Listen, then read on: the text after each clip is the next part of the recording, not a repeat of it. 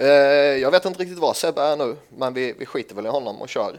Eh, Ja. Vi har inte hört av honom från igår och eh, nu väntar vi en halvtimme innan vi spelar in, men han dök inte upp här. Så det, ja, vi får klara oss utan honom helt enkelt. Så den här ofta- veckan, Oftast bättre när han inte är med ändå. ja lite så, bättre tugg, Mm. bättre koll.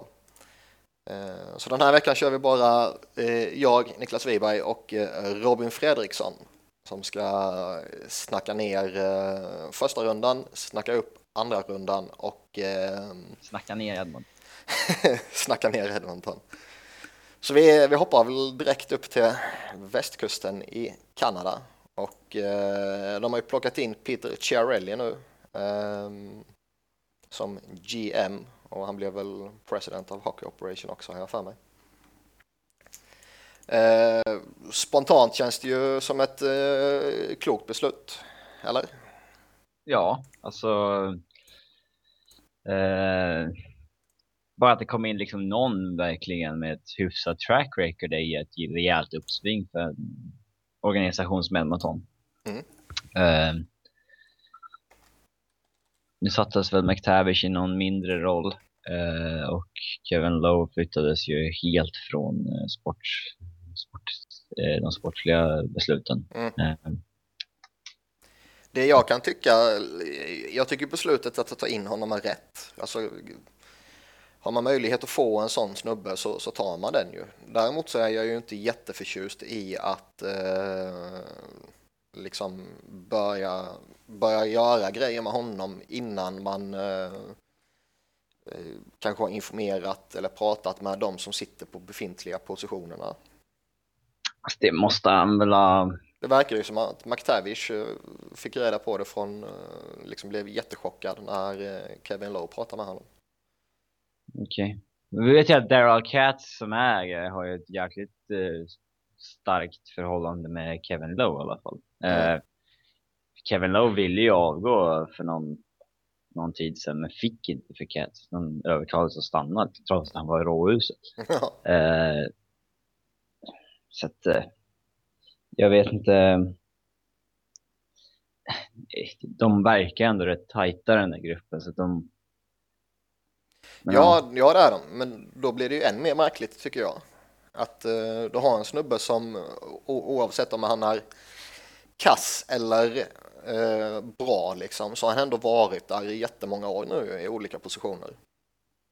Eh, McTavish då. Eh, och eh, ska du då ersätta honom så tycker jag ju att med tanke på vad han, hur länge han ändå har tjänstgjort där så tycker jag ändå att han förtjänar att veta det innan eh, man bjuder in hans ersättare så att säga och hela världen vet om det. Ja, jag vet inte. Det, Nej, jag tycker inte om det. Jag tycker det skickar eh, signaler som är eh, dåliga. Det är ett dåligt intryck. Ehm, men han är ändå kvar i Oilers. Alltså han är inte... nej, han är inte undansopad på det sättet, men han är ändå ersatt. Och då tycker jag att man, man förtjänar att veta det på ett vettigare sätt. Det kan ju vara att man, man ser åt honom att vi, eh, nu är den här snubben ledig och vi vill prata med honom. Eh, vi vet inte vad det kommer leda till, men bara så du vet, typ. Jag tycker man, eh, jag tycker man förtjänar ett sånt pass respektfullt bemötande.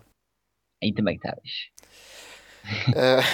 Möjligtvis inte med tanke på hur jävla kass han har varit, men jag tycker nog ändå man förtjänar det. Liksom. Det, det är väl enda negativa jag kan säga om, om den här grejen. Annars ska det bli sjukt spännande att se en, eh, en kompetent snubbe eh, ta hand om eh, deras roster och ja, Connor McDavid lär väl plockas med första valet. Han har ändå, han har ändå gjort eh, 20 trades, McTavish. Han snackade ju om att han skulle göra bold moves, eller han lovade bold moves. Mm. Han har inte gjort en enda. Ja, nej.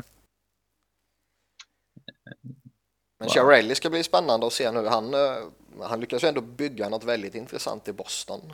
Eh, Ja, man ska komma ihåg, det var fan inget perfekt bygge när han kom dit. Nej, verkligen inte. Det var inget perfekt bygge nu när han lämnade heller i och för sig. Eh, utan Det har varit ju, perfekt däremellan. Det har varit perfekt däremellan. Han byggde ju en riktig maskin.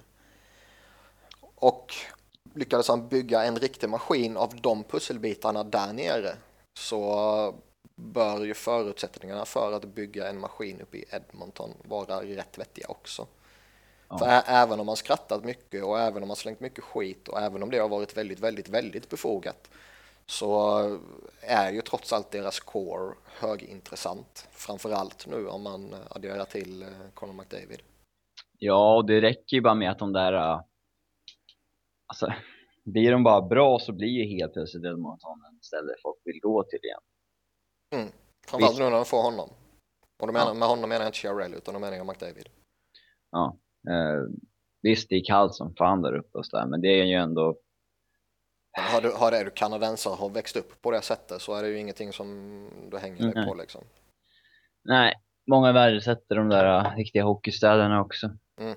Eh, det, nej, jag, jag, tror att Shirley kommer göra, göra det bra med Edmonton. Eh, jag skulle inte, jag skulle inte göra någon större trade i sommar dock om jag var honom. Jag skulle nog avvakta lite det beror på lite. Man, man undrar ju lite. Han verkar ju ändå vara med tanke på aggressiv. Vilken, ja, dels aggressiv, men han verkar också vara lite så här. Eh, finnas lite old school tänk hos honom.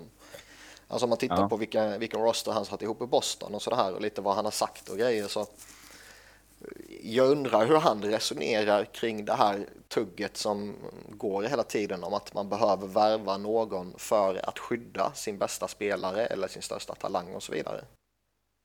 Ja, jag vet inte. Alltså, jag, jag, tycker inte man behöver värva in en, liksom, ta, ta Milan Lucic bara för att kopplingen till Bruins finns och att han ryktas kunna vara aktuell liksom. Jag tycker inte att man behöver värva in honom bara för att man ska skydda liksom en Conor McDavid. Det, det, tycker jag är förlegat och det hjälper inte ändå, det ser man ju hela tiden. Men diskussionen är ju jävligt intressant. Mm. För det har ju funnits lite, lite snack mellan Edmonton och, och Boston senaste tiden, framförallt Eberle kanske. Ja, men då var ju Sheridan i Boston. Mm. Ja, absolut. Det kanske är helt... Uh... Det kanske är dött nu, det vet man inte. Ja, jag har svårt att uh, tro att han skulle gå igenom med samma trade som han uh, ville ha när han jobbade för Boston. Så att säga. Nej, men det vet man inte. Den kan ju ha varit kryddat och kryddas åt olika håll liksom. Mm. Mm. Men, men, jag menar, vi, vi har ändå sett lite sådana här där, där tidigare relationships har uh, visat sig i, i, trade. Liksom. Vi har ju Chicago, Florida och sådana här grejer till exempel.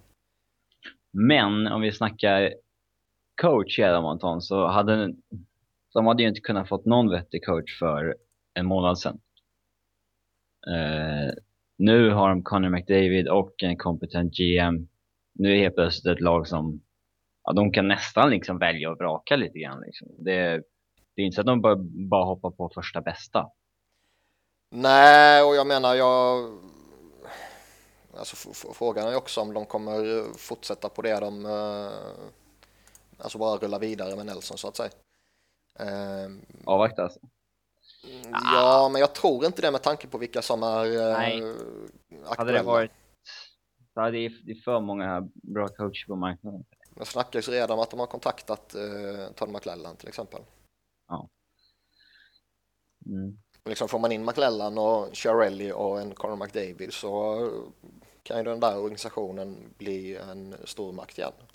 Ja, fan liksom, det finns ju en anledning att liksom Denuge gick etta, Hall gick etta och så fan, sätt Jakob på med McDavid så kanske han kommer igång och blir den ettan som alla trodde han skulle bli då och då helt, helt plötsligt är det som att de har fått liksom två first overall pick för de har inte fått igång Jakob så de fick honom liksom. Mm. Eh. Han, eh, nej han, han är ju, han kändes ju lite piggare mot slutet här ju. Men eh, överlag så behöver man ju få igång honom tror jag. Han kom ju faktiskt igång lite med Derek Roy. men, mm. men eh, man, man, får inte glömma heller att oavsett hur jävla intressant det ser ut med Chiarelli och McLellan eventuellt då och, eh, ja. och Hall och Eberly och Nugent Hopkins och McDavid och så vidare så har de ju fortfarande total skräp i backbesättningen och mellan stolparna. Mm. Um, de har ju en del, alltså att de har Justin Charles, Marinsin, Klebom och Nurse i liksom deras ja, blandning av prospect pool och liksom unga backar. Mm. Eh, det, det är ju inte dåligt liksom. De har ju inte helt dött bakom dem. Nej, jag menar Nurse Eh. på ingång och så här, så det, det är ju inte... Mm.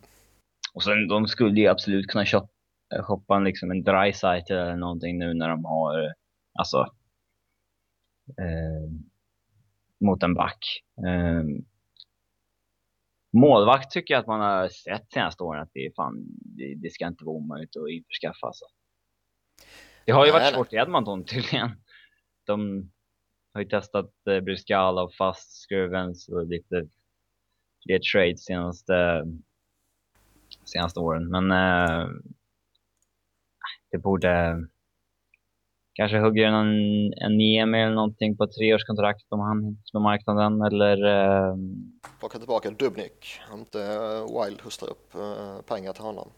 ja, eller ja, trada för en Reimer eller någonting. Det, det finns en del bra målvakter. Det, Oh, ja. ser Buffalo vill ju också ha keeper så att vi får se vad de, de hugger. Ja, och vi kommer väl till det så småningom, men det pratas ju om att någon målvakt kan vara tillgänglig i Ottawa också liksom. Mm. Så det, nej, det ska bli spännande att följa Edmonton liksom. Ehm, Får de pusselbiten på plats så som sagt tror jag mycket väl de kan bli riktigt farliga igen. Sen samtidigt så Edmonton är Edmonton. Ja, en förlorarmentalitet som är svår att döda. Mm. Men jag tror inte riktigt på det där snacket om att, liksom att eh, Hall skulle vara liksom stöpt till en förlorare nu. Liksom. Kommer alltid förlora. Liksom. Det, Nej, det tror inte jag heller, men, men eh, liksom, kör, kör man bara vidare med det man har eh, så, så tror jag ju inte att eh, Chiarelli som GM får bara innebära att helt plötsligt blir de ett slutspelslag. nej, och eh, McDavid är ju visst den bästa på länge, men han är inte så här mil bättre än Tavares och eh, vi såg ju hur lång tid det tog för honom att göra Islanders till slutspelslag. Mm. Nu är visserligen det supporting cast i Oilers bra mycket bättre. Jo, jo, men eh, jag, jag tror att eh, ska man få den där eh, jätteutvecklingen för dem, då behöver nog Chiarelli göra någonting. Man behöver en bättre back till exempel, och man behöver hitta en målvakt. Eh, Man skulle behöva göra sån här... Uh, alltså, ta in en, jävla, ta in en lagkapten typ. Alltså en Messier eller någonting. Alltså i, spelartruppen så att säga. Det känns som det är ganska ledarlöst lag. Det har ju snackats en del om att omklädningsrummet inte alls har varit särskilt bra. Nej, men det är bara att titta, de har ju inga, alltså, de har, de har inga veteraner liksom. De har Matt Hendricks och de har, eh, vad har de, Andrew Ferrans. det är väl typ det enda. Mark Fane och Nikitin och sådana, det räknar jag inte som ledare liksom. ja, man skulle behöva ta någon. Liksom, det är svårt att hitta rätt bland sådana, men eh, man ska inte tro att alla över 30 är bra ledartyper liksom. Men, Ja, nej, nej, men eh, oftast är det ju den man vill ta in som är inte kanske över, men där runt omkring om och som har varit med rätt många år och kanske har, eh, har lyckats vinna någonting och sådär också. Mm. Nej, jag tror att det kommer uh, gå vettigt för Edmonton nästa år. I jämförelse med tidigare år i alla fall. Ja, jag säger att det beror på lite vad de gör. Trillar de bara vidare med exakt samma lag så ser jag ju inte någon jättestor skillnad bara för att du byter GM. Han, eh, han spelar inte på isen liksom. Och in McDavid. Ja, jo, givetvis. Då, visst, de kanske inte är det här tok sist som de har varit senaste åren eller verkligen nere i botten som det här året, men eh, jag vet fan om det lyfter till ett slutspelslag bara för det. De har ju till första val eh, som vi inte ska glömma. Som, Mm, Pittsburghs ja. Det blir ju typ val 18-19 eller något sådär. Det blir ju rätt attraktivt. Oh ja. Eh, släng in det med någon av deras eh, lite yngre spelare så kan du ju få till en riktigt bra deal ju. Om du behöver den där backen till exempel. Mm, för de... Eh, Jag skulle ju inte trada jättehårt och jättemycket för en målvakt för det är alltid lite eh, riskfyllt. Ja, alltså, vad fan, vi har sett. Du kan få en Dubnik för tredjerumsval och killen liksom bär Minnesota på slutspel ensam. Det... Ja. Nej, men jag skulle absolut inte... Fast kontrakt går väl ut. Mm. Mm. Mm. Han skulle jag inte behålla. Eh, Scrivens har ett år kvar, det är väl okej liksom. Eh, ja, han kan man gott köra på. Som en av två. Kanske inte första alternativet, men ja, Mm. Nej, det är spännande där. Eh, vi lämnar Oilers tycker jag. De fick en eh, alldeles för positiv kvart här nu. ja. har vi en eh, nyhet. Eh, på tal om Oilers, de draftade ju en svensk back som hette Erik Gustafsson. Mm. eh, som de inte behöll rättigheterna till. Mm. För att de typ, ja, glömde det eller något sånt där skit. Han signade för eh, Chicago nu. Se där, se där. Skriver hans agent på Twitter. Oj, oj, oj. Eh, det är alltså inte gamla Philadelphia Gustafsson. Nej. Utan det är eh, Frölundas. Och eh, han var i Djurgården också, va, har jag för mig. Ja, Mm. och var extremt kritiserad. Extremt! Mm. Sen lämnar man Djurgården så blir man bra. Fan vilken slump. Nej, han var bra i Djurgården, men Nej. han var en sån där offensiv back som folk stör sig på. Liksom. Ja. För att han Jag gjorde snurf, snurrfinter i egen zon och sånt Mm, jag kommer ihåg att du kritiserade honom rätt hårt. Nej men han har haft en skön utveckling i Frölunda. Det måste Ja. man ge honom. Eh, Gedigen SHL-back. ja, jag hoppades att Äv skulle ta honom. Han är bästa polare med Landeskog också. Mm.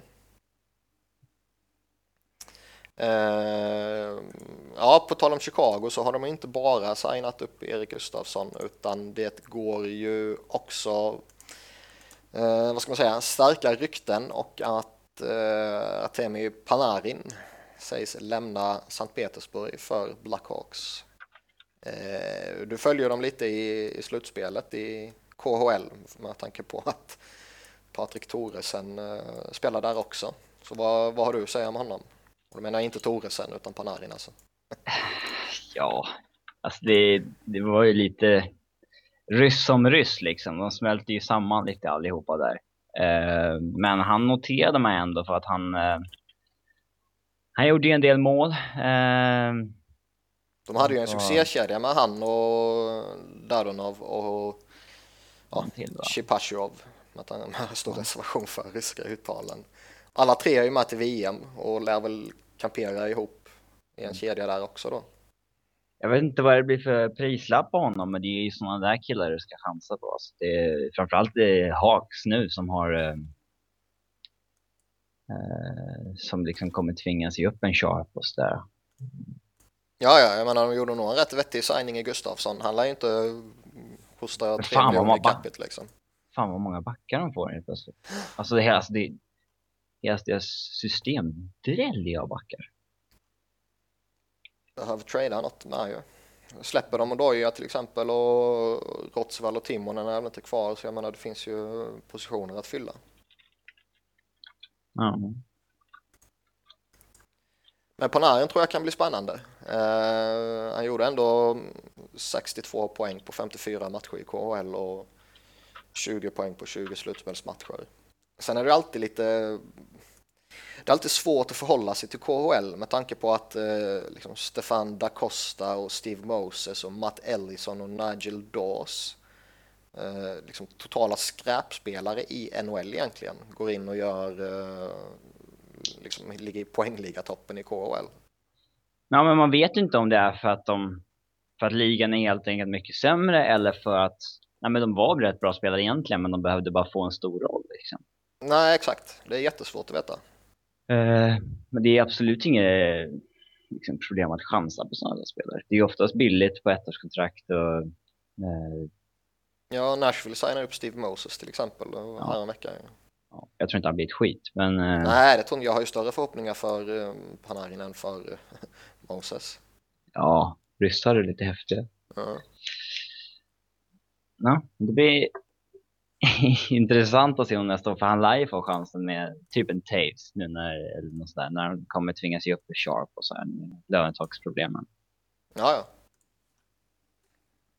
Mm, du kan hitta du kan hitta sämre vad ska man säga, positioner att försöka slå dig in i NHL i. Mm. Eh, med det lämnar vi väl lite sån här allmänt tugg och hoppar in på första rundan tycker jag. Eh, vi börjar med Montreal-Ottawa där eh, Montreal vann med 4-2 i matcher. Eh, varför vann de? Uh,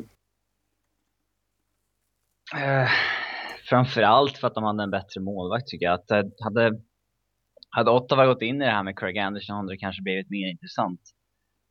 Eh, vi snackade ju lite om vem de skulle gå in i slutspelet med Ottawa, men jag tycker att Hammond eh, han svek dem rätt ordentligt första två matcherna där eller vad det var. Eh. Fast jag tycker det, jag förstår vad du menar givetvis, men jag tycker det är tufft att säga att han svek dem. Jo. Alltså, han hade ju på något sätt förtjänat chansen, men eh, han var ju fan inte bra liksom. Eh, Nej, det var ju uppenbart att eh, det märkte man redan i första matchen. Eh, det märkte man i grundserien också, men, men eh, det blev ju väldigt tydligt i, i, i första slutspelsmatchen när det ändå kändes som att eh, Canadiens var på en liten annan nivå kanske än jämfört med grundserien. Eh, han släppte några enkla mål och han var oftast, eh, man såg oftast på liksom, fina målchanser och skottlägen och sådär att han var lite lite vajsig och lämnade en jätteyta och grejer och sådana där liksom. Däremot så tycker jag att det var helt rätt att gå in med honom. Det, det, det har han ändå förtjänat tycker jag. Sen att det kostade dem eh, ett avancemang, det, ja, då var det ju köpt, men det hade han förtjänat. För det, mm. Känns, det, känns ändå som att liksom, har, har, har du burit någon på det sjuka jävla sättet som han gjorde så måste du nog ändå starta med honom i slutspelet också. Även om varenda människa fattar att det bara är en tidsfråga innan han kommer uh, krascha liksom. Ja, alltså. Han kommer aldrig kunna vinna en match mot Price liksom. Nej, nej, nej. Men sen så är ju Ottawa, eller jag menar Montreal är ett allmänt liksom tyngre lag och Ottawa hade ju fått trycka gasen i botten för att ta sista slutspelsplatsen medan Montreal mm, eh, bara liksom de la i en högre växel nu så att säga. Mm. Vad är en som annars eh, har sett lite sådär ut i, i Canadiens? Det tycker jag är André Markov. Ja, han gör ju självmål. ja, inte bara självmålet menar jag, utan eh, liksom spelet generellt. Jag har inte noterat honom så här särskilt. Eh, han har spelat mest med subban va? Mm. Mm. Eh. Han brukar alltid vara pålitlig och lugn och trygg och allt sånt här, men fan han har varit lite vimsig alltså. Frågan är om det bara har att göra med, ja han börjar bli lite gammal och eh, det är nog inte alltid jätteenkelt att eh, lira med den gode PK Subban. Men... Ah, eh, hellre det än en gemen. jo, givetvis, men jag menar, du, du, du måste ju vara, det, det är ju två helt olika spel du måste spela. Alltså spelar man Subban så måste du underordna dig honom och anpassa dig till allting vad han gör. Uh, spelar du med en annan spelare så är det ju du som ska vara ledande liksom. Om du nu är Andrei Markov såklart, menar jag. Ja. Jag vet inte, snubben börjar ändå bli 36 bast. Jag har alltid gillat ja. honom, han har fått ordning på kroppen nu senaste åren efter alla skadeproblem och så här, men... Uh... Man brukar ju kunna se... Uh... Man brukar kunna se att vissa sådana där spelare börjar se lite gamla och trötta ut. Uh... Men sen när det väl blir slutspel så brukar de kunna lägga i en Eh, alltså en tyngre växel. Men eh, ja, börjar man se knacka ut där, då, då, då är det ju varningsklockor. Han spelade en tunga minuter, han var uppe på 26, 28, 27 minuter i början där liksom. Det kanske helt enkelt är sådana minuter han inte hanterar längre. Ja, Möjligt. Den senaste matchen spelade han 23 och 20 minuter. Det, det kanske är lite mer rimligt. Även om man tittar på backbesättning i övrigt skulle jag också försöka spela honom jättehårt såklart. Mm. Eh, pratade ju lite, nämnde Ottawas målvakter när vi tog Edmonton och eh, de har gått ut nu i sin eh, sån här avslutningsintervju och sagt att de vill ju de vill ju skriva kontrakt med Hammond och eh, han har väl givetvis förtjänat det också. Eh, alltså bär du laget på det här sättet så har du förtjänat ett nytt kontrakt på något sätt kan jag tycka. Men eh, man säger ju också att om de signar honom så kommer de trada någon av de andra målvakterna. Eh, är det rätt att göra? Ja, alltså. Eh, hade jag fått välja mellan de tre så hade jag nog tagit någon av de, först, de andra två före Hammond. Alltså. Eh, men. Eh, ah, ja, jag hade inte. Det, det är väl lite asset management också.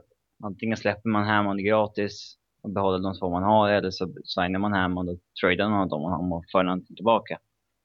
Ja, alltså jag, jag, kan ju tycka att det finns ett, eh, ett symboliskt värde i att signa honom just i det här att eh, man verkligen, alltså han bar ju verkligen laget. Eh, utan honom skulle de inte varit i slutspel. Ett, ett tag i alla fall. Ja, men han gjorde det ändå rätt jävla hårt ju. Någon, någon månad. Ja. Eh, visst, man, man, kan ju alltid föra argument för att en månad inte är tillräckligt lång tid och för, för att eh, liksom eh, analysera en hel situation och det håller jag med om givetvis. Men eh, om du inte belönar spelare som gör något sånt fruktansvärt sjukt för dig, vad sänder det då för signaler? Både till befintliga spelare men också eventuellt nya spelare. Så det känns ju verkligen som att man måste skriva nytt kontrakt med honom. Och inte skicka ner honom till AHL. Sen om det är rätt beslut rent hockeymässigt och rent eh, eh, vad ska man säga, kvalitetsmässigt baserat på de tre spelarna, det låter jag vara osagt men eh, det finns ändå ett symbolvärde i att göra det tycker jag. Ja, men jag vet inte liksom vad jag hade vad hade vissa andra lite mera eh, moderna, klokare GMs gjort? Jag vet fan om de hade signat honom. Eh, nej, det är som jag sa, jag säger inte kanske att det är helt rätt att göra det, men eh, jag ser ju ändå ett värde i att göra det. Och jag förstår ju varför man vill göra det. Sen bör väl vem som helst fatta att så bra som han spelade när han var som allra bäst under de här veckorna, det ska bli mycket till om man kommer nå den nivån igen liksom. Mm. Sen behöver du inte signa upp honom på liksom ett, eh, vad ska man säga, ett Craig Anderson-kontrakt där han ligger på 4 miljoner över några säsonger. Det hade varit sjukt intressant att se vad, vad någon jäkel skulle gett Hammond om han nådde marknaden. Mm. Alltså det hade ju... Frågan är om, om du hellre eh, Alltså den här desperata GM som man vet sitter någonstans som han hellre skulle gå efter Hammond med tanke på hans månad eller om han hellre skulle gå efter typ en Lener. Jag skulle hellre gå efter en Lener. Ja, det skulle jag också göra, men uh, vi har ändå sett GMs vara jävligt udda och bara gå på det som är uh, sexigt den här veckan. Ja, så är det. Men sen så här, jag vet inte, Hammond kanske han kanske funkar som backup och det är liksom kanske tid att välja mellan Lener och Anderson ändå. Mm. Eh, då borde jag... Man tycker att de borde, alltså med tanke på åldersprofilen på övriga lag så hade det varit ganska konstigt om de valde att skeppa Lener, tycker jag. Ja, skeppa Anderson istället ja. Ja. Men jag tror det är mycket, mycket, mycket enklare att skeppa Lener och jag tror man kan få något bra för honom också. Ja. Även om han... Eh... Alltså Andersson, hur långt kontrakt har han? Två år till eller tre år till? Tre år till på 4,2 miljoner. Ja, det är visserligen steep, men... Eh... Ja. Eh... Jag tror att Tim Murray skulle ta ett sånt kontrakt. inte betala något för det kanske, men Får, får man honom för eh, utan att ge upp någonting av egentligt värde så kan jag väl se eh, att lag som står utan målvakt går efter honom. vi snackar lite om San Jose, Ja, om de släpper Niemi. ja, och det. Jag, jag kan tycka att stå med Niemi eller Craig Anderson är egentligen liksom den, den skillnaden är så pass liten så jag skulle inte ge upp några tillgångar för att få Anderson. Men som sagt kan man få honom eh, rakt av sådär för eh, sjätte val liksom.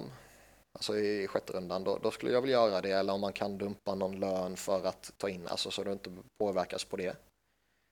Mm. Ehm, men som sagt, jag, jag skulle inte offra någonting för att gå efter honom. Då finns det ju, då går jag efter, hellre efter en sån som Reimer till exempel. Mm. Och betalar Ja. lite mer för honom. Optimus Rhyme. Mm. Vad tror vi Ottawa gör något annat över sommaren? Mm. Nej. Jag vet inte, jag känner inte riktigt till deras eh, kontraktssituation så. De, de har väl, De har ju några... signa Siban, Stone. ja, Stone, Hoffman, Zibanejad. ja de har en del. Ja, Mm. Jag är hö- högintressant att se vad de hamnar på. Eh, Ja, och man vet ju aldrig riktigt um, hur det ligger till med Ottawas budget heller. Den, den um, är ju alltid lite osäker. Eh, de, de bör väl försöka, med tanke på alla de här som, som vi nämnde gjorde ju hyggligt bra ifrån sig här mot slutet, så de lär ju inte hosta in 700 000 i capita bara, utan det lär ju vara några miljoner. Eh, så de bör nog, tror jag, försöka skeppa någon av dem, de som redan är under kontrakt. det går ju inte att flytta en Michalek liksom. Eh, Nej, det kan nog bli rätt jobbigt, men jag tror ju mm, något lag med tanke på att David Legwan bara har ett år kvar skulle mycket väl kunna plocka upp honom kanske. Eh, Colin Ja. Greening eh, kan nog någon plocka upp och du vet, folk verkar ju faktiskt tycka om Chris Neal eh, med tanke på vad som snackades om vid trade deadline. Så. Ja, han har ju ett, ett gott rykte liksom. Det, Vilket är helt absurt. ja, men det, Sen har du några backar som ligger på sådär eh, strax över miljonen, två miljoner, så något sånt där som, som man alltid kan hitta någon som är redo att ta. ja. Orjovecki tror jag är svår att flytta på med tanke på vilken jävla term han sitter på, men eh, Jo, liksom Greiba borde ju kunna gå att flytta på. Eh, Chris Phillips tror jag blir kvar oavsett. Mm. Jared Cowen är en sån som inte har tagit den utvecklingen alls som mycket väl kanske kan skeppas. Mm. Ja, nej, intressant sommar för Ottawa. Eh, vi hoppar vidare till nattens eh, match då, Tampa Bay-Detroit, där eh, det slutligen var Lightning som gick vidare med 4-3 matcher då. Eh, Braden Coburn blev högst oväntat matchhjälte. Eh, tyvärr kunde jag inte se tredje perioden för Växnet bestämde sig för att fucka ur. Eh, Så nu fått in den obligatoriska Växnet-hatet i, eh, i podden också den här veckan. Mm. Eh, Det känns väl ändå som att det laget som kanske har vad ska man säga, störst potential för att ställa till med någonting i slutspelet gick vidare. Ja, men vi har ändå sett att de är mer mänskliga än man trodde. Liksom. Oh ja. Eh, jag tror att jag tippade 4-2 Tampa. Men eh, Jag tippar 4-1 till exempel. mm. Nej, det ska bli kul att se Tampa. Det är ändå något av de lagen som, eh, som är mest intressant att följa i och med att de har så jäkla många häftiga unga spelare. Liksom. Mm. Ehm, Vad, vad är felet med Steven Stamkos då? Han är ju, det, det, är inte bara det att han eh, inte gör mål utan under vissa matcher tycker jag ju till och med han ser rätt sunkig ut. Ja, men det är alltså. Liksom hur bra spelare är han egentligen? Alltså, han är en elit, elit, elit målskytt. Men i övrigt liksom. Alltså han är ju bättre än vad han visat vissa av de här matcherna. Ja, Det är, Ja. fort- det är fortfarande en legitim eh, toppcenter liksom. Men Ja. vi- Visst, plockar du bort målskyttet från honom så är han ju ingen, eh, vad ska man säga, ingen Crosby, ingen uh, Toews, inte på den nivån liksom i spelet. Nej. Men eh, det är fortfarande en legitim första center. mm. Eh, så är det. Men alltså Babcock gjorde ett bra jobb med att stänga ner honom. Alltså, Men han fick ju ändå chanserna. Det var, det var inte så att han var liksom totalt blott, bortplockad av Datsjuk eller Zäta eller Kronwall eller sådana grejer. nej. Utan det, han fanns ju ändå där, han fick chanserna, sen fumlade han till det eller så Han såg jäkligt, eh, ja, taskigt självförtroende helt enkelt såg det ut som. Eh, Jo, det var det säkert. Och då var det det här klassiska snacket om att han eh, greppar klubban alldeles för hårt och han har ingen känsla och bla bla bla liksom. Men det är ändå fascinerande att se eh, en så i grunden mycket duktig spelare vara så eh, mer eller mindre bedrövlig egentligen. Mm. Säger en del om, eh, alltså ska du gå långt i ett slutspel, då måste du kunna ta dig vidare från en liksom bra motståndare, trots att din bästa spelare är kall. Och där visar ju Tampa sitt djup. Att de, Fast deras bästa spelare är ju superhet. ja men alltså deras egentligen bästa spelare. Jo, jag förstår vad du menar. Eh, sanslöst djup de har bakom, bakom Stamkos-kedjan. Eh, eh, Tyler Johnson då?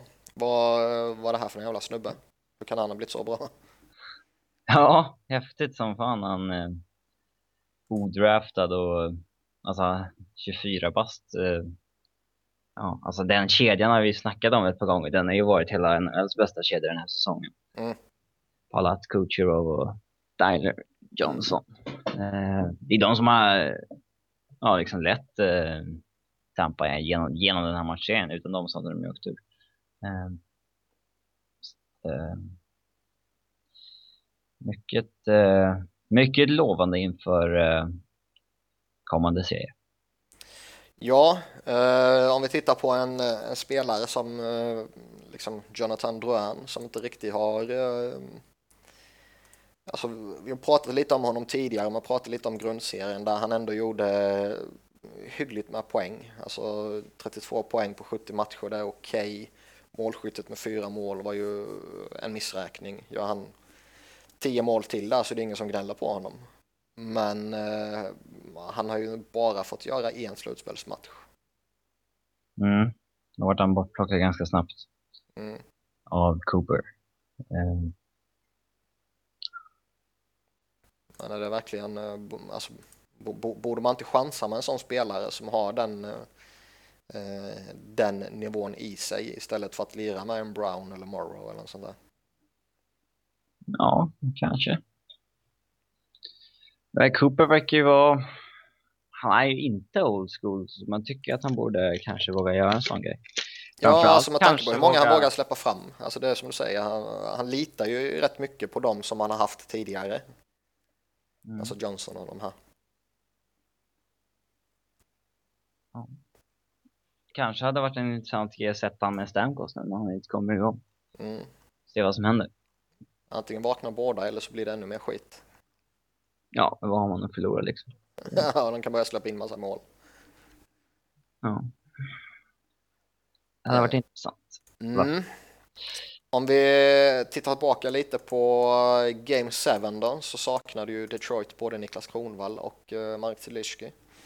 Zeliski på grund av vad som folk trodde var en hjärnskakning och eh, Kronwall blev ju avstängd. Vad, vad säger du om den avstängningen? Jag tycker att den var rätt eh, självklar. Eh, han... Eh, ja, han kör gärna sina patenterade tacklingar. Eh, och det är verkligen inte alla har inte varit eh, illegal. Nej, alla har inte varit fula, men många är det ju. Ja, förvånad att han har kommit undan så många gånger som han gjort. För att det är ändå en liksom, tre, fyra, fem stycken som man liksom minns i huvudet som han verkligen, liksom, han har ändå varit uppe en tio i luften liksom, när han träffar. Mm. Eh, eh, ofta med liksom ganska stor kontakt med huvudet liksom. Eh, men den här tycker jag ändå är en av de mest klara. Det kanske inte är den hårdaste han har delat ut, men eh, han är uppe i luften. Principal point of contact är huvudet. Han tacklar inte med kroppen själv heller, utan det är liksom armbågen han träffar med eh, eh träffar Kutjerov med i ansiktet. Så att det, det liksom, hade vi snackat grundserien så hade jag inte varit förvånad om han hade fått en fyra, fem matcher för den där. Mm. Trots att han inte har avstängd sedan tidigare. Eh, nu blev det ju dock ingen skada. Nej, det, det ska vi Tampa ha cred för att de eh, eh, det var ingen i Tampa som gick, som gick ut och sa att det där, måste, det där borde bli avstängning eller sådär. Och, eh, inte ens Kutjerov själv. Eh, Cooper är alla gammal advokat så han vet väl vad man måste göra. Mm. Men liksom, vi vet ju det att liksom, hjälmen flyger ju av. Ligger Kutjerov kvar där en minut, då är ju matchstraff på Kronwall och flera matchers avstängning. Mm. Eh, det, jag är väl lite eh, trist att det, att det funkar så, men bra att det, att det ändå blev avstängning så att säga. För det, Däremot är det intressant att eh, Quintal och hans gäng och NHL liksom får beröm för att de vågar ta det här beslutet. Eh, alltså, ska, ska man få beröm när du gör någonting givet? Om man säger så. Det är ju snarare att de skulle bli tokhängda om de skulle friat honom. Ja, det är lite en sån, sån situation. Gör rätt så får du cred, gör fel så blir du liksom... Finns ju en del sådana situationer i hockeyns värld liksom. Eh, eller sportens värld. Ja, jo, absolut. Man undrar ju hur, eh, hur hårt NHL påverkades av, alltså det var ju ändå ett riktigt jädra snack kring honom. Att nu, nu måste NHL ta tag i, i den här situationen och han måste ju bli kallad till eh, förhör och så vidare. Så jag, jag undrar hur mycket man påverkas av det. Jag vet inte. Jag menar, skulle de friat honom skulle det ju blivit, eh, det skulle blivit jättesnack ju. Ja, det hade det. Alla, alla, framförallt var ju alla helt övertygade om att nej, men han kommer ju frias eftersom det är Game 7. De kommer ju inte ha några det, det värsta de kommer göra det är att ge honom böter liksom. Ja, jag trodde att de skulle välja mellantinget där, att ändå straffa honom men inte tillräckligt att plocka bort honom från match 7 och riskera... Ja, det trodde jag också, men äh... det skulle varit fel ju. Mm. Om vi tittar på lite annat i Detroit då, så var ju en spelare jag var rätt missnöjd med var ju Henrik Zetterberg. Tre assist mm. på sju matcher bara. Man har ändå vant sig vid att han på något sätt kan, eh, kan ta en ledande roll i ett slutspel. Mm. Han har gjort det tidigare. Mm. När man sett matcherna också så har jag blivit liksom mer, eh, mer imponerad av liksom, eh, så här Luke Glendenning och Riley Sheehan och de här djupspelarna som Detroit har fått fram som imponerar mycket på mig. Oh ja. Eh, eh, det, Ja, kanske får börja ha andra förväntningar på Zetterberg. Det är liksom, um, han börjar ändå komma upp i åren och han har haft problem med rygg och sånt där. Så att, uh, och den här säsongen han har haft så har han inte varit lika bra som tidigare år. Mer och mer produktion. Han faller ut i PP istället för i, i 5 mot 5 där han alltid var en av ligans bästa spelare tidigare. Mm. Um, så att, ja, han börjar väl liksom komma upp i åren helt enkelt. Men han är bara 34, alltså skulle det skulle varit 36 istället, då, då skulle jag eh, ha full förståelse för allt sånt där. Men 34, eh, jag tycker inte det är tillräckligt gammalt för att man ska liksom använda det som ett huvudargument om man säger så, vilket man trots allt nog vill göra. För jag tycker att eh, en sån spelare som han är ska kunna visa mer i, ta en Game 7 till exempel. Nu är slutspelet generellt, men framförallt när det står väger så här. Där är jag rätt missnöjd med honom. Ja. Ja, han gör ju inget bra slutspel. Det... Visst, det är tufft motstånd. Han fick väl ta en liksom en eh, en tvåvägsroll också i och med att eh, varje, varje kedja Tampa hade inne var ett hot offensivt. Mm. Jag menar Brian Bowl kedjat liksom. Han, han var en av Tampas bästa spelare också. Jo, ja. Uh, så att, uh, nej. Det ska bli intressant att följa Zetas uh, nästa säsong och sådär för att han han börjar bli gammal som sagt. Och det är ett långt kontrakt han sitter på. Oh ja. Det är ju sex år till. Ja. det, det är en bit. Nu tror jag alltid att han kommer vara liksom en kompetent spelare. Men eh, liksom, frågan är... Ja, men 6 miljoner i sex år till, då behöver du göra dina stora poäng också så att säga. Ja, det tycker jag.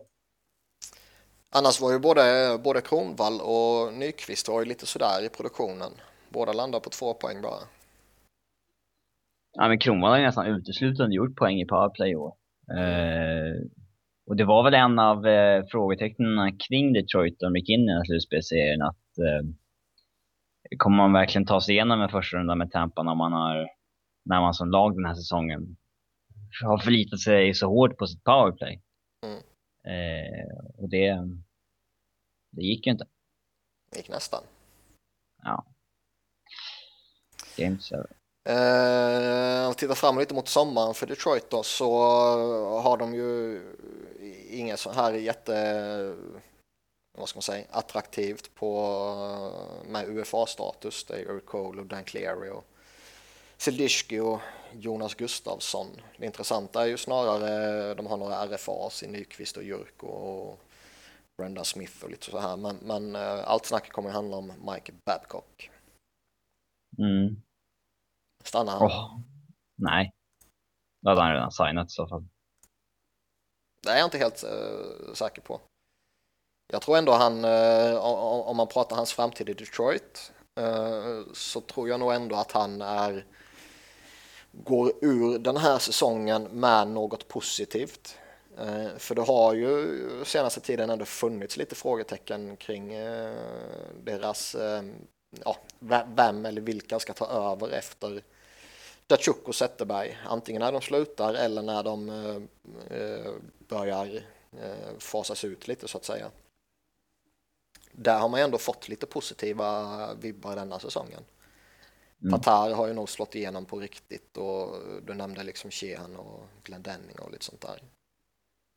Mm, de har draftat bra senaste åren också. En Dylan Larking som eh, haft en jätteutveckling sedan dess. Och... Ja, Mäta kommer säkert bli hur bra som helst också.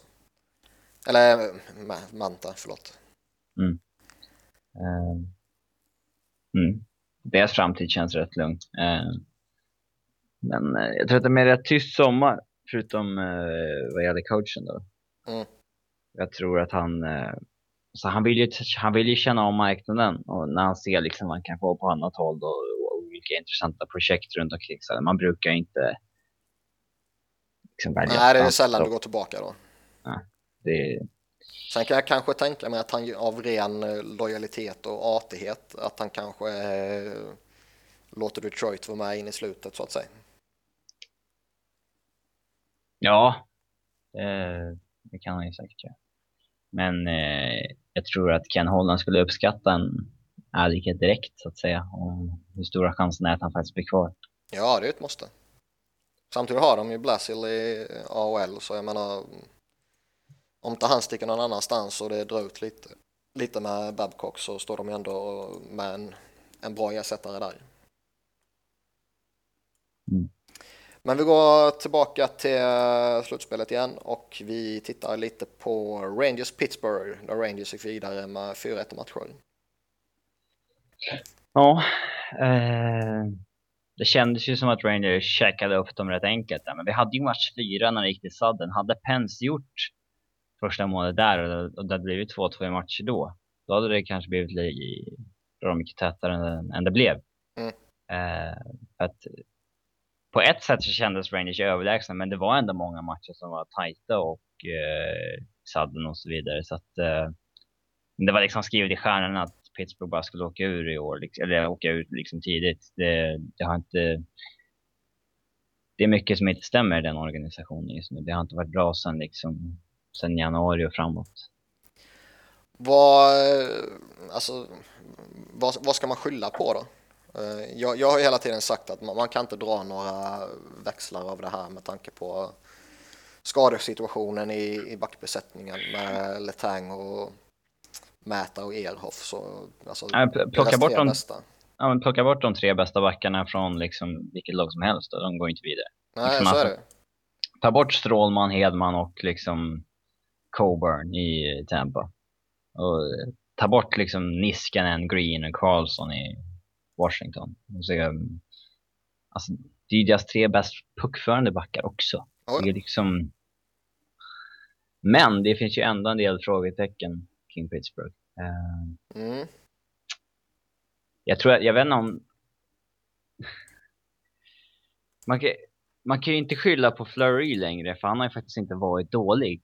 Eh, men jag undrar om det stör Pittsburgh lite grann. Liksom att de inte ens kan skylla på den biten. Ja, nej, det är nya problem nu. Ja, så vad fan, Fleury var ju faktiskt ganska bra liksom. Vad fan ska vi då peka på liksom? Eh, Crosby gjorde ändå, med tanke på att laget var rätt sunkigt och med tanke på förutsättningarna, så Crosbys fyra Ja. poäng får man ändå, ändå okej. ja, han bar ju laget till en seger själv liksom. Det var ju den matchen de, de vann. Mm. Så att eh, han, Hörnqvist och Kunitz vaknade ändå till lite sådär ju. De, de, de, Alltså Hörnqvist var ju riktigt, alltså eh, jag vet inte om det syns bra i poängkolumnen, men alltså han är ju ruskigt jävla bra. Han, alltså man, man, man noterar ju honom i varenda jäkla byte in, han gör ju sånt fruktansvärt hårt jobb hela tiden. Alltså, så att han, eh, eh, han är ju svår att hänga. Alltså Pittsburgh-fansen älskar ju honom också. De hatar ju i jämförelse. Ja, Han ja. är ju liksom... eh, så att eh, den... Eh, ja, han är ju svår att skylla på. Och Hörnqvist har också gått ut och lovat att de ska vara bättre nästa år. Mm. Det tar han på sig alltså. Jajamän. Eh, Däremot gick det ju lite tyngre för Malkin och Perron. ja, Båda två har väl det kommit fram att de har spelat skadade. Ja, var Malke såg man det. Han var ju inte... Han var inte fullt kurant. Eh, och eh, vi vet ju att eh, alltså han börjar ju få lite skadeproblem, Malkin. Han han har ju alltid haft lite skadeproblem. Um, så att, eh, ja. David Perron är ju mest ett fel, eh, felvärvning liksom. Att den, det var klantigt att ge upp ett första val för honom.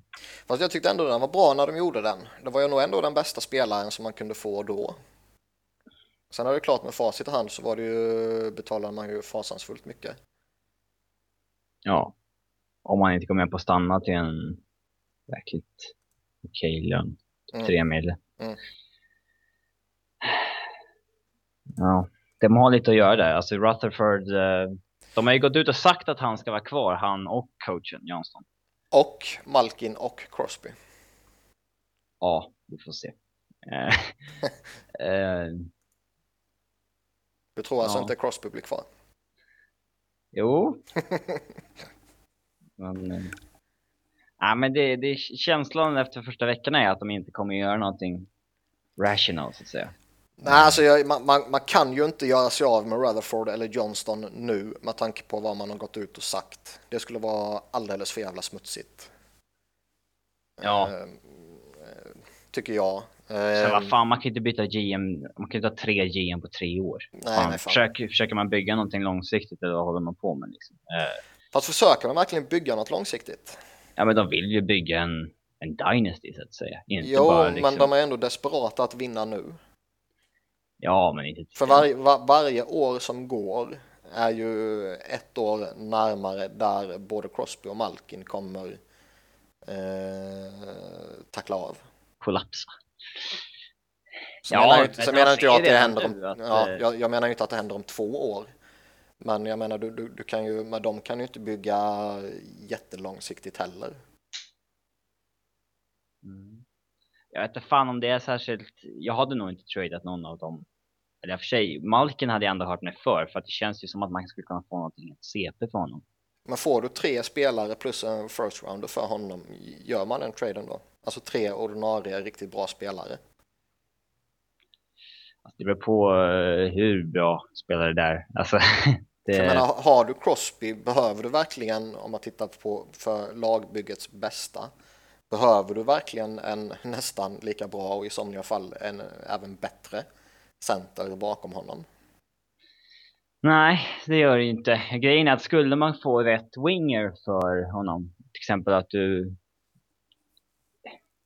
jag säger att du får en Kessel och lite skit från Toronto för marken. Eller, eller något sånt. Då, då skulle man ju kraftigt överväga det. Mm. Och sen så vet man att det är säkert, Crosby har ju verkligen inte hittat kemi med alla han har spelat med.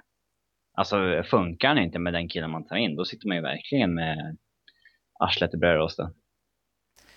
Ja, det beror på. Plockar man en sån som Kessel så kommer han göra sina poäng ändå. Ja, för sig. Det har man ju sett i, i Toronto. Jag menar, han, han spelar ju inte med en sämre center i Pittsburgh än vad han gör i, i Toronto liksom. Tyler. Ja.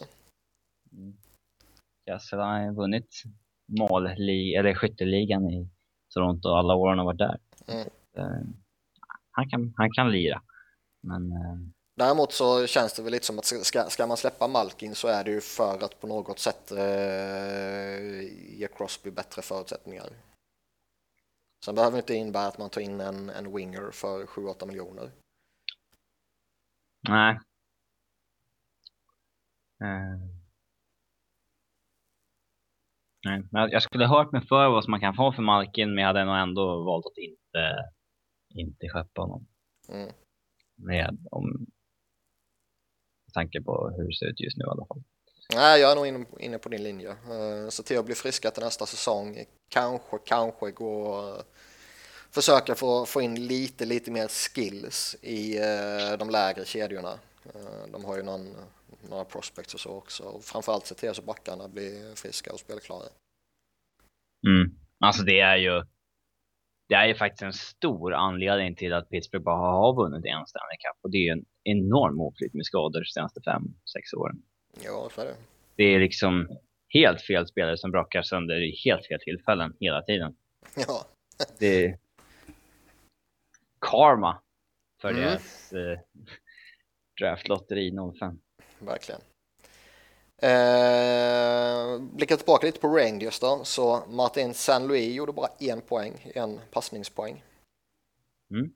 Eh, det ska man vara rätt eh, missnöjda med väl? Ja, men man ska nog samtidigt inte ha så höga förväntningar på honom längre. Han är gammal helt enkelt. Det är klart han är det. Eh, men jag ser väl inte att han har tacklat av så fruktansvärt jämfört med förra säsongen. Mm. Liten dipp ser man ju såklart. Det, det, alltså när, när du är 39 år så kommer du väl se en, en dipp eh, för varje säsong i princip. Men eh, så stor har den inte varit tycker jag inte. Varken eh, poängmässigt eller liksom när man ser matcherna. Men det är ju inte han som är... Är inte... Han har ju inte den drivande kraften. Alltså Zuccarello är ju bättre än honom liksom. Jo, jo. Men jag, menar, eh, han är ändå så pass bra så han ska göra mer än en poäng. Mm. Sen är ju fem matcher, visst det är en jättekort tid att eh, analysera något sånt där övergripande på. Han går in och gör åtta poäng på sex matcher här nu så det är ingen som reflekterar över det sen ju. Nej. De har haft ganska utspritt eh, målskytte på hela laget, Rangers. Mm. Eh, Hagelin har gjort sina och Brassard har gjort sina. Nash har faktiskt gjort lite poäng. Stefansson har kanske tappat i HV i sommar. eh, Eller hur? fyra poäng. Mm. Mm, han måste höja sig lite så han förtjänar ett kontrakt av Rangers så de inte släpper honom till HV. Ja. De som lyssnar som inte känner till det kan vi kanske säga att det var någon lokaltidning i Jönköping som skrev att tre spelare ryktades till HV och det var Joso Hietanen, Martin Törnberg och Derek Stefan. Eller hur? Alltså det, Han hade inte gjort så många poäng i Rangers så han hade utgående kontrakt. ja, och känner förmodligen Eric Christensen. Ja, Eller hur? Det var ju, En rimlig koppling att göra. ja. Det är riktigt stort, det är så här, källa stod det sociala medier. Eller hur? Jaha. Vart fan har någon skrivit om Stefan ska till HV? Eller hur? Rangers första center liksom. Ja, det var en bra värvning. Ja, Eh, vi lämnar väl Rangers Pittsburgh där tycker jag och hoppar vidare till eh, Caps Islanders som ju också fick avgöras i en Game 7 där eh, Capitals gick vidare. korrekt. Mm.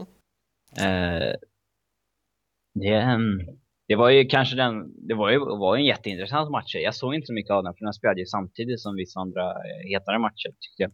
Men eh, det var ju en jäkligt intressant match med tanke på att den var så, var så jämn. Alltså spelade du den, spelade du den match sju, eh, spelar om den liksom hundra gånger så vinner de ju 50 var liksom. Ja, i princip. Eh, och vi visste ju att spelar vi den här matchen liksom 100 gånger så vinner de 50 var. Eh, det var så pass jämnt. Eh, två, två jäkligt intressanta lag. Eh, nej, det var kul att eh, Caps gick vidare. Jag, jag önskar Ovechkin all lycka. Mm. På tal om Ovechkin så gjorde han ju bara två mål. Ja, det... Um, han hade det tufft. De satte in Boychuk mot honom så fort han kom in. Och han, Boychuk var ju riktigt duktig. Ja, han var ju på honom som en igel hela tiden. Ja. Um, där är ju någonstans uh, Washingtons problem. Att visst, de har hyfsad secondary scoring nu, men alltså vem de än möter i slutspel så kan de alltid sätta in sina bästa försvarsspelare mot Ovechkin och försöka stänga ner honom och de liksom de behöver inte oroa sig så mycket över resten. Nej, alltså egentligen även om man särar på Bäckström och Ovechkin så är det ju egentligen bara en jag tycker man behöver hålla riktigt noga koll på. För ja. Bäckström, jag ser inte det spelaren i, i laget förutom Ovechkin som gör Bäckström till ett superhot. Så att du måste eh, hålla järnkoll på en matchup och så vidare. Nej, alltså tar du bort Ovechkin från eh, Bäckström så alltså, du behöver inte hålla koll på Bäckström om han spelar med liksom typ Chimera och Ward eller Brower. Liksom. Mm. Eh, där, där, där är ju Washingtons problem. Alltså, han kom ända till 28 avslut på mål de här sju matcherna Ovechkin. Han, liksom, han var inte helt nedstängd. Nej. Men eh, och den där shooting percentage på 7% den kommer ju gå upp om man fortsätter dundra så där mycket skott. Eh, så att han, jag tycker inte att han gjorde någon dålig matchserie, Ovechkin. Eh, utan hans hade de inte vunnit som vanligt. Nej, jag tycker eh. inte han var kass på något sätt. Men, men eh, jag menar, det är lite som när vi alltså, pratar Stamkos eller Zäta eller Malkin och liksom, oavsett vilka anledningar det finns så finns det ju vissa spelare som man har större krav på utöver att mm. prestera bra. De ska ju producera bra också. Ja. Ja, så är det. Men det är lite speciellt i slutspel sådär. De, när han får så jäkla mycket fokus på sig. Eller liksom jo, fokus från motståndarnas försvar. Så. Mm. Uh, vi var inne lite på secondary scoring och uh, en sån som Curtis Glencross har inte varit någon jättehit direkt. Nej, men det är ingen särskilt bra spelare. Men han har ändå varit eh, nerslängd rätt långt ner i hierarkin och så liksom det, det såg jag inte riktigt komma. Han sitter på läktaren också va? Ja. Eh, nej, det var en spelare som skulle förbättra deras djup. Eh, att han liksom inte ens ja, att han knappt tagit plats, det var lite förvånande. Mm. Men eh, jag förstod aldrig riktigt hur han skulle med honom till, eh, alltså betalade så mycket för honom liksom. Eh, men nej, jag tycker att han är särskilt bra helt enkelt. Mm. Evgenij Kuznetsov då? Har han slagit igenom nu? Alltså han har ju haft ett slutspel som hintar om att det kan komma nu. Liksom. Att, det, att han kan få den där, liksom, att det här kan bli hans genombrottsslutspel. Liksom. Att, eh, kom ihåg att Voinov hade ju något genombrott i något slutspel så fick han ett jättekontrakt efter det trots att han bara hade slutspelet han hade varit vass i egentligen. Mm. Nu visade han sig leva upp till det fram till, ja, nu. Ja. Eh, men eh, det känns lite som att det kan gå åt samma håll för Kuznetsov. Eh, alltså med utvecklingen. Eh, inte... Ja, inte hustrumisshandeln. Nej. Men eh, det, jag har varit imponerad av hans, av hans slutspel. Det kändes häftigt att han fick avgöra match 7 också. Mm. Det, det, det, det, där är ju den, den där kraften de behöver, alltså Washington, den riktiga andra, liksom... Komplement för de två stora. Ja. Eller bakom de två stora, rättare sagt. En andra våg liksom. Som ja. Kan köta på också. Eh, men han har varit riktigt bra. Islanders då? Ska de vara nöjda med säsongen trots att man ryker? Ja, det tycker jag. Eh, de gör en bra säsong, de tar sig slutspel. De hade ju det här valet före säsongen ifall de skulle ge upp årets första val eller eh, ja, fjolåret så att säga. Mm. Eh, och då valde de att eh, ge upp den här säsongens val eh, och satsa för det. Och mm. de, vissa var liksom så oj, liksom fattar de det McDavid-valet nu, de liksom Ja, men med tanke på vilken lag, vilket lag det var så var det ju en jättegambling måste man ju säga. Mm. Men de har ju bevisat att de är liksom ett, ett stabilt slutspelslag i den mån man kan vara det nu för tiden. Det är, liksom, det är fem poäng ner nedanför strecket och, och ja, knappt tio upp till President's Trophy. Men eh, det är så jäkla jämnt så det, det, är svårt att, svårt att dra med att stämpla lag sådär. Men eh, nej, de har haft en jättebra säsong och att man sen ryker mot ett jämnbra lag i första slutspelsserien efter sju matcher, det är liksom inte, det är inte skamligt på något sätt. Har vi något spännande kan... att se fram emot till sommaren då? I Islanders? Mm. Ja, det är de... typ Brock Nelson, Anders Lee som är RFA som ska ha nya kontrakt. Sen är det Tyler Kennedy, Uh, eh, UFA, han bör man väl släppa liksom. Eric Bolton, Colin McDonald, uh, Wisnowski och så vidare. Som också är UFAs. Nej, alltså de, de kör väl på Islanders liksom. Uh, har ju mycket löneutrymme och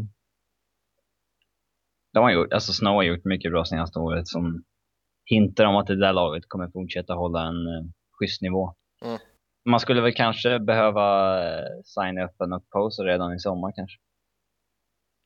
Mm, jo, det skulle jag nog göra. Eller nog, det skulle jag definitivt göra. Mm. Eh, kanske försöka stjäla en Ryan Strom tidigt också. Eh, om man har en liknande säsong som i år nästa år, då är det ju Big Bucks som ska upp för honom. Mm. Alltid lite gambling där, liksom, är han på riktigt eller eh, kommer han, Sam fasa, ja, kommer han fasas av lite? sådana spelare är alltid lite gambling. Ja, vissa gånger blir det jättebra som med Sagan. Eh, vi får, jag, jag, skulle försöka signa honom redan i sommar. Mm, det är nog läge att göra det. Eh, jag tycker att vi eh, tar en liten, liten paus där och kommer tillbaka med eh, Western och lite inför andra rundan i del två.